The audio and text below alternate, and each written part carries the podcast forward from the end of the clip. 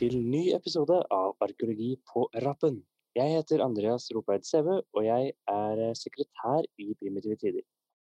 Med meg i dag så har jeg Christian Reinfjord over Zoom. Og Christian, hvem er du? Hei, jeg heter Christian Reinfjord, og jeg er arkeolog og jobber ved Anno domkirkeodden på Hamar. eh, Men har for tida permisjon for å skrive doktorgrad om eh, middelalderruiner, bl.a. Du har skrevet en rapport for oss i Primitive Tider om en middelalderruin. Eh, rapporten heter Håkon Håkonssons Mjøskastell. Betraktninger om istandsetting av en autentisk middelalderruin. Så det første spørsmålet vårt i dag det er rett og slett hva er Mjøskastellet? Ja, nå skal vi høre.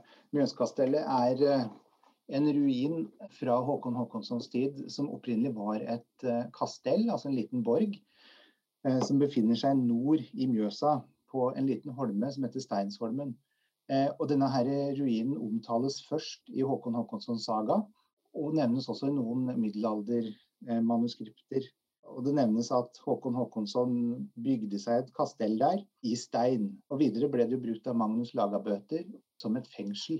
Og ruinen eh, Vi vet jo ikke når ruinen gikk ut av bruk, men ruinen ble jo gjenoppdaga kan du si, på 1770-tallet av Gerhard Skjønning, som gjorde sin reise gjennom Hedmarken, bl.a. i 1775.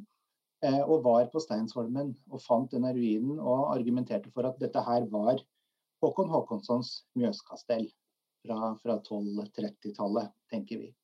Denne beliggenheten ute i Mjøsa den har så vidt jeg forstått, altså at det ble gjenfunnet. og Det betyr at den har fått ligge i fred etter at det gikk ut av bruk som kastell, og fått stått nokså urørt, stemmer det? Ja, vi tenker det. da, at Det, er jo en nedslitt ruin i dag. Eh, og når han gikk ut av bruk, det vet vi jo ikke, som sagt. Men eh, det må ha vært en stor borg, en høy borg. Og det har nok antagelig vært plukka stein der opp igjennom. Vi finner jo på gårder rundt i Ringsaker stein som kanskje kan være fra Mjøskastellet. Fin bygningsstein.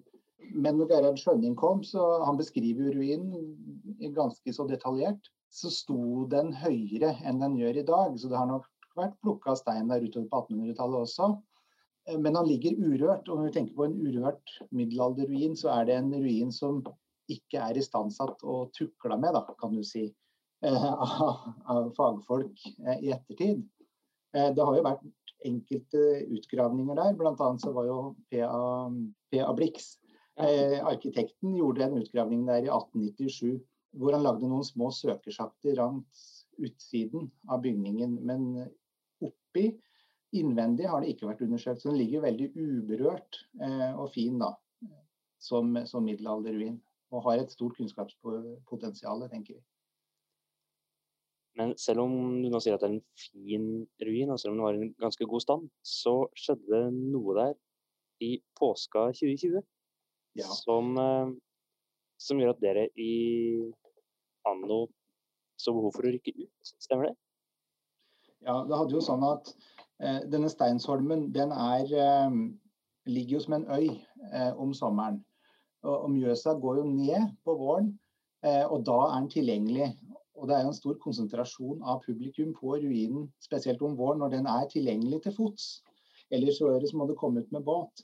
Eh, og vi ser at det er mye trafikk oppå ruinen.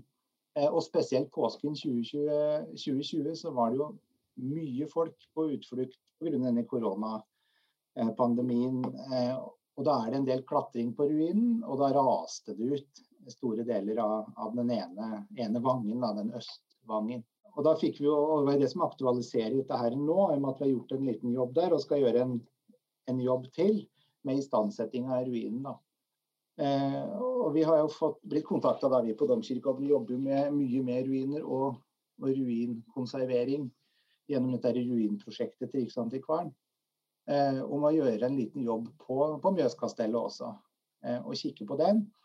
Eh, og hvordan skal vi da gripe an det, hvordan skal vi sette det i stand og begynne å tukle med det ru, ruinmurverket eh, som ingen har sett på før. Det har jo vært et ideal at eh, ruiner skal bevares eh, sånn som de er, altså sånn som de blir funnet. Eh, men nå var det jo nødvendig å gjøre noe. Eh, og hvordan skal vi gripe det an? Hvis vi tenker at ruinen bør framstå autentisk, da, som jeg skriver, i, landskapet. vi skal ikke tilføre så mye, vi skal ikke trekke så mye fra. Men, men noe må gjøres, for nå ser vi at forfallet eskalerer ganske kjapt. Her, altså, her, går vi inn på noe av kjernen i rapporten. fordi Når man leser rapporten, så ser man at det å ta vare på en ruin, det er ikke bare utfordrende altså, rent praktisk. Det er også ganske utfordrende teoretisk. Altså, det er ganske mange teoretiske spørsmål som skal avklares. Stemmer det? Ja, det er jo det. Jeg tenker meg da at Eller han tenker seg at det er jo mange måter Og dette her gjelder jo kulturminnevern generelt også. Men kanskje at det er teoretiske eh, og ideologier bak istandsetting eh, som til enhver tid endrer seg. Eh, og hvordan det ble gjort på 1860-tallet er kanskje noe annet enn vi vil foretrekke i dag. Og det henger jo sammen med autentisiteten. og Hva er det vi mener er autentisk? Og hvilke aspekter av autentisitet er det vi skal ivareta i dag da, på, på middelalderruinen? For middelalderruinen er jo spesielt kulturminne. I og med at det er jo en rest etter noe som er, allerede er ødelagt. Eh, og da spør vi hvordan skal vi reparere noe som allerede er ødelagt? Eh, og da er det forskjellige verneteorier som vi har diskutert litt da i denne rapporten for hvordan vi kan, kan gjøre det på Mjøskastellet. Og det er jo ikke noe fasit kanskje for hvordan dette her bør være. Eh, på 1860-tallet så tenkte han seg da, når f.eks. Nidarosdomen ble istandsatt, fra 1869 at han skulle bygge det opp igjen, sånn som han kanskje tenkte seg at det var. Eh, og Et eksempel på det er jo eh, gjenoppbyggingen av vestfronten f.eks. På, på Nidarosdomen, som er bygd opp i, i, full høyde, som han tenkte seg at eh, det var. Eh, og Vi har jo ikke tenkt at vi skal gjenoppbygge Mjøskastellet, det er jo ikke sånn vi gjør det i dag det rådende bevaringsparadigmet da, når det gjelder ruiner, er at vi bevarer ruinen sånn som man ble funnet, eh, og kanskje sånn som man ble utgravd. Sånn som man kanskje kan tenke seg på, på Avaldsnes. Så du kan si at, at skillet her går mellom å altså, Spørsmålet er rett og slett hva som er mest autentisk. Om det er å, eh, å bygge opp bygningen som ruinen representerer, eller om det er å, å bevare ruinen som en ruin. Ja, det kan du si. Eh, og det er jo eksempler på altså Nå har jo vi valgt å bevare det altså i tråd med de retningslinjene som Riksantikvaren gir, og som er på en måte er rådende i dag, om at ruinen bevares som funnet eller som utgravd. Eh, men det er jo eksempler i Norge på, på dette i Norge i dag at bygninger gjenoppbygges, sånn som man antok at det var i middelalderen. Sånn som abbedens hus på, på Utstein kloster f.eks. Eh, som var en ruin som ble istandsatt eh, i 2013. Hvor de gjenoppbygde bygningen i sin helhet. Eh, og da er jo det autentiske, eller det originale middelalderske murverket bevart i bånn, og så er det bygd på i høyden over. Og det er jo ganske kontroversielt, da. Eh, men spennende. Så kanskje har den pendelen svingt tilbake til der vi var på 1860-tallet. Men, men, vi gjør det ikke sånn. Vi har heller ikke budsjett til det, men ønsker at ruinen skal bevares eh, som en del av, av landskapet. Da. Som det romantiske ruinlandskapet. Sånn som John Ruskin argumenterte for, da, som er det andre bevaringsparadigmet. Som en motsetning til å bygge, gjenoppbygge, men la det forfallet kontrollert. Eller vi ønsker å bremse forfallet, da. Men at det er en, en del av et landskap, et ruinlandskap. Mm. Du har jo sagt at det ikke er noe, det er ikke noen fasitsvar på hvordan man bør sette i stand en ruin. Dette henger kanskje litt sammen med at, at det også er litt ulike interesser knytta til det. Hva, hvilken strategi man bør velge, kanskje til en viss grad avhenger av hva målet med ruinen er. Stemmer det? Ja, det kan du si. Altså, det kan jo være god business å tilrettelegge en ruin for publikum f.eks. Eh, og næringsvirksomhet. Men jeg tenker at han må ta utgangspunkt i hvert enkelt objekt for istandsetting og tilrettelegging. Sånn som på Domkirkeodden så har vi jo flere ruiner som er tilrettelagt på ulikt vis. Eh, og det er jo en spesiell situasjon hvor alle ruinene er en del av et museumsområde. Eh, ja, for sånn... Domkirkeodden, Domkirkeodden i Hamar den er jo det er vel der dere hører til, er det ikke? Jo, det er der vi hører til. Vi har kontorer, og det er en del av vårt museum, da. Ja. Eh, som er resten etter Hamar eh, middelalderby og bispesete. Med Hamar domkirke og Hamar bispegård eh, som på en måte hovedmonumenter. da. Hamar domkirke, der var det jo altså Den har jo også blitt istandsatt, som du sier, og der var det vel så vidt jeg har forstått ganske mye kontrovers, stemmer det? Jo, det har jo vært det opp igjennom. Og der er det jo to gode eksempler på, på hvordan middelalderruiner kan tilrettelegges for publikum og settes til stand.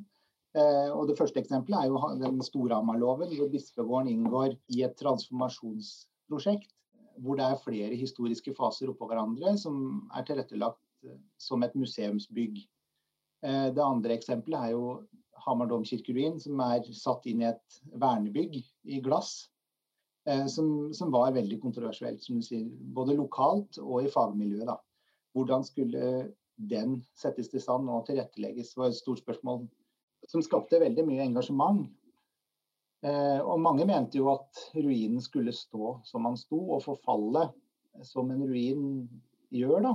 Eh, noen mente at hele domkirken burde gjenoppbygges, sånn som han var, i stein. Noen ønska seg et glassbygg eh, forma som et kirkebygg, sånn at du kunne se volumet av den opprinnelige bygningen. Sånn han tenkte seg at det kunne ha vært. Eh, og noen mente at det skulle bygges et vernebygg over. da. Eh, og det var det som ble resultatet i 1998, når det sto ferdig. Eh, så der har vi en middelalderruin istandsatt i et drivhus, da, kan du si. Eh, I en ny bygning, en ny kontekst. Og det har jo blitt en publikumssuksess på Domkirkeodden. Og det har blitt et nytt bygg som vi kan bruke da, både til konserter og, og vielser og, og, andre ting. Da. Samtidig som at ruinen blir ivaretatt i et kontrollert klima og med, med, med god luftfuktighet for bevaring og, og, alt dette her. Så da ser vi at dere fant en, eh, dere fant en god løsning på det eh, på Domkirkeodden. Og eh, så vidt jeg har forstått, så er dere også ganske fornøyd med hvordan dere gjorde det på Mjøskastellet. Hva det dere, hva var det dere endte opp med der? Der endte vi opp med en minimumsløsning. For det er snakk om at dette her er en autentisk ruin, så er det en ruin hvor murverket står på en måte uberørt. Det var vanlig fra 1960-, 50-60-tallet å sette i stand norske middelalderruiner med sement. Eh, og det er jo en dårlig løsning i og med at sementen er stiv og bryter sunt murverk og lokker vann inn i murverket, sånn at du får en frostsprengning. frostsprengning. Eh, men på Mjøskastellet så er det jo ikke gjort noen ting. Eh, Å begynne å ta i det syns vi er litt utfordrende. og Vi ønsker å bevare det så uberørt som mulig.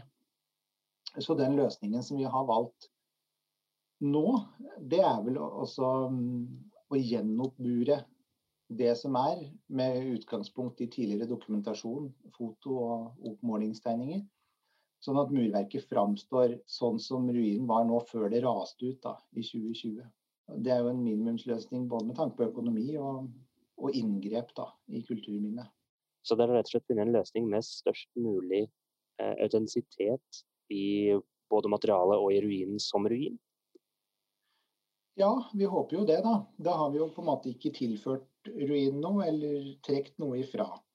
Eh, så da vil jo den ruinen framstå sånn som han gjorde kanskje etter at Blix var der da, i 1897. Etter at han grov den ut. Eh, kunne jo sikkert gjort mer. Kunne gjort en utgravning og tilrettelagt og, og gjenoppmurt og, og spekka murverk og sånn, sånn som vi gjør i bispegården nå, på det tårnet vi setter i stand. Men jeg syns ikke det ville bli helt riktig, da, med tanke på at Mjøskastellet er såpass uberørt som det er. Så, så bør det inngå som et landskapselement, egentlig. Er dette her en, en strategi der, er dette en vanlig gjeldende strategi i Norge, eller er det noe dere, eller er det en mer unormal, kontroversiell måte å gjøre det på? Nei, dette er ikke noe kontroversielt. Det er vel den vanlige måten å gjøre det på. Som regel når middelalderruiner settes i stand, og sånn som det blir praktisert i ruinprosjektet eh, som Riksantikvaren stelte med fram til i fjor, så er det å, å meisle ut tidligere istandsettinger og erstatte fuger og pinningstein eh, med kalkmørtel eh, og tradisjonelle håndverksteknikker, sånn som man tenker seg at det ble brukt i middelalderen. Og Det er jo både for å bevare eh, autentisiteten, samtidig som at han har et materiale som kommuniserer godt med murverket. Som er diffusjonsåpen, som lar fukt komme ut av murverket. Og som beveger seg i takt med murverket da, etter eh, frost og, og tele og, og, tining og sånt. Da. Og Et annet aspekt ved det med å produsere kalkmørtel er jo, er jo å ivareta den prosessuelle autentisiteten i kulturminnet. Altså prøve ut eh, opprinnelige håndverksteknikker og lære mer om det tradisjonelle middelalderske håndverket gjennom istandsettingen og sånn sett eh, realisere kunnskapspotensialet som ligger i, i ruinene. Nå nærmer vi oss slutten på intervjuet, så da, det siste spørsmålet jeg har til deg i dag, det er om du har noe råd eller budskap som Altså noe dere har lært av eh, prosjektet, som gir deg et budskap du vil bringe ut til andre som sitter i en lignende situasjon? Nei, altså, jeg syns at han skal ta utgangspunkt i det kulturminnet som han står overfor når han skal gjøre et sånn type inngrep, da, sånn som dette her er. Og handle liksom i, i tråd og på, på kulturminnets premisser. Det tenker jeg er det eneste rådet. Fantastisk. Tusen takk for det, og tusen takk for at du kom. Eh, tusen takk til alle som har eh, lytta, og takk for oss. Takk for det.